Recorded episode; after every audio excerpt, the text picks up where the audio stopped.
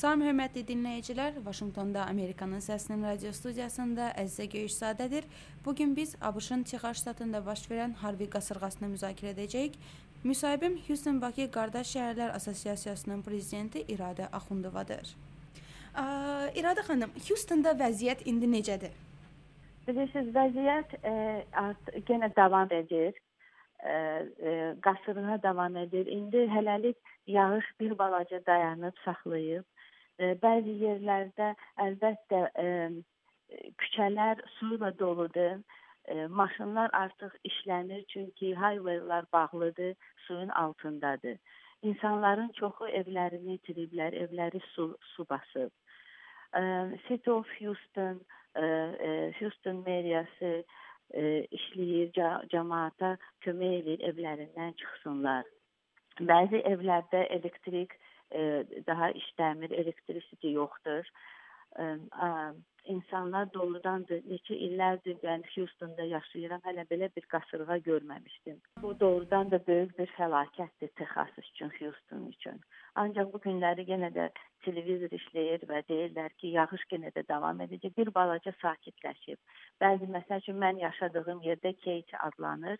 Burada bir balaca e, su çəkilib yollardan. Ancaq ki, e, insanlar evdədirlər, heç kəs işləmir, mağazalar bağlıdır gözləyirik yenə deyirlər ki, yağış yenə davam edəcək. Bəs neçə gün davam edəcək gözlənilir bu yağışın və qasırğanın? Qasırğa deyirlər ki, bu həftənin axırına qədər e, davam edəcək. Ancaq ki, ən e, çətini dünən gecə idi. Bu günləri də deyir ki, e, xəbərlərdə e, deyirlər ki, evdən çıxmayın. Bir e, günorta yaxın, yəni saat 1 üçün 2 gün yenə də təzə bir qasırğa gələcək Houstonun üzərinə.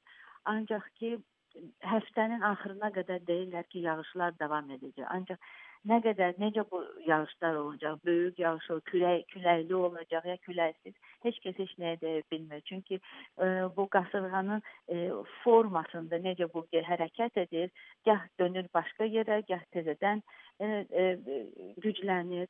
Ancaq ki, şükür Allaha böyük küləklər olmadı. İnsanlar doğrudan da çox əziyyət çəkirlər, evlərini itiriblər. Bildiyiniz qədər hər hansı bir tələfat, yəni itki varmı orada? böyük itkilər var, əlbəttə, böyük itkilər var. Dün, dünən məsəl üçün səhərə qədər e, 2 milyondan çox itkilər olub Houston şəhərində. Bütün şəhər dayanıb. Bütün şəhər yəni dayanıb. bu ə, ev, evlər baxımından, bəs insan həyatı baxımından hər hansı bir tələfat varmı? Hələlik belə e, bir iki nəfər ancaq deyirlər ki, itki var.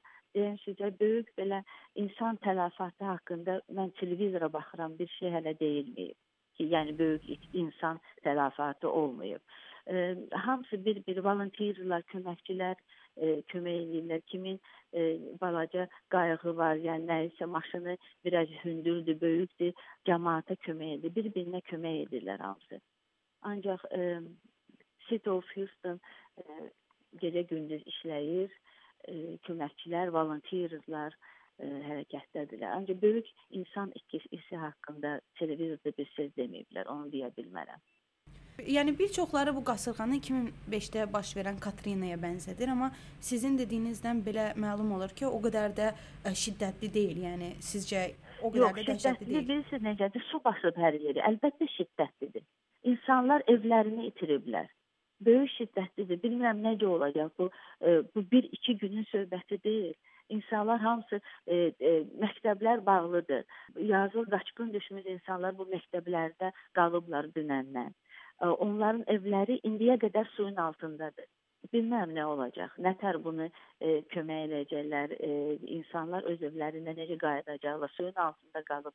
Bizim bir e, dostumuz Azərbaycanlı da dünənləri yaxşı ki, uşaqlar kömək elədi, evdən çıxdı. Evi, maşını hamısı suyun altındadır. Bu çox dəhşətli. Mən neçə hurrikanları, qasırğaları keçirmişəm. Bu e, Houstonda 20 ildən artıqdır yaşayıram. Hələ belə belənkisini görməmişəm. Bəs ştat və şəhər rəsmiləri, yəni hadisəyə necə reaksiya verir? Xilas etmə işləri necə aparılır? Əlavə kömək tələb olunurmu yoxsa ə, ştat yəni kifayət qədər hazır idimi qasırğaya? Bilirsiniz, hazır idi, ancaq əlavə köməklər başqa ştatlardan gəlirdilər. Emergency maşınlar, sonra e, fire e, yəni e, fire workers gəlirdilər, maşınlar, köməklər gəlirdi başqa ştatlardan da. İndiyə qədər gəlirlər. Əlbəttə tək məsəl üçün Texas e, e, çünki Texas böyükdür, San Antonio'da dağlıq oldu, Galveston'da e, yəni Houston'a yaxın şəhərlərdə ə, dağınıqlar da oldu. Ona görə başqa ştatlardan köməklər gəlir Houston'a. Prezident də deyirlər ki, Trump da sabah güyə gələcək Houston'a özü görmək üçün. Ə, ancaq çalışaq qədər bir-birimizə kömək edirik. Ümid edirik, nə deyim sizə, dualarımız var. bir-birimizə zəng edirik. E, hələlik kimin elektrikisi var, hələ telefonla danışa mümkündür bir-birimizə kömək edirik. Azərbaycan səfiri Vaşinqtonda Elin müəllim də zəng eləmişdi. Biz hər hamı indi bir bir e, bizim duamız var ancaq. Başqa əlacımız yoxdur. İnşallah bunu da keçirdərik. Tək itkilər olmasın. Sizə çox təşəkkür çox, edirik. Sizə çox uğurlar. Sağ olun. Salamat qalın.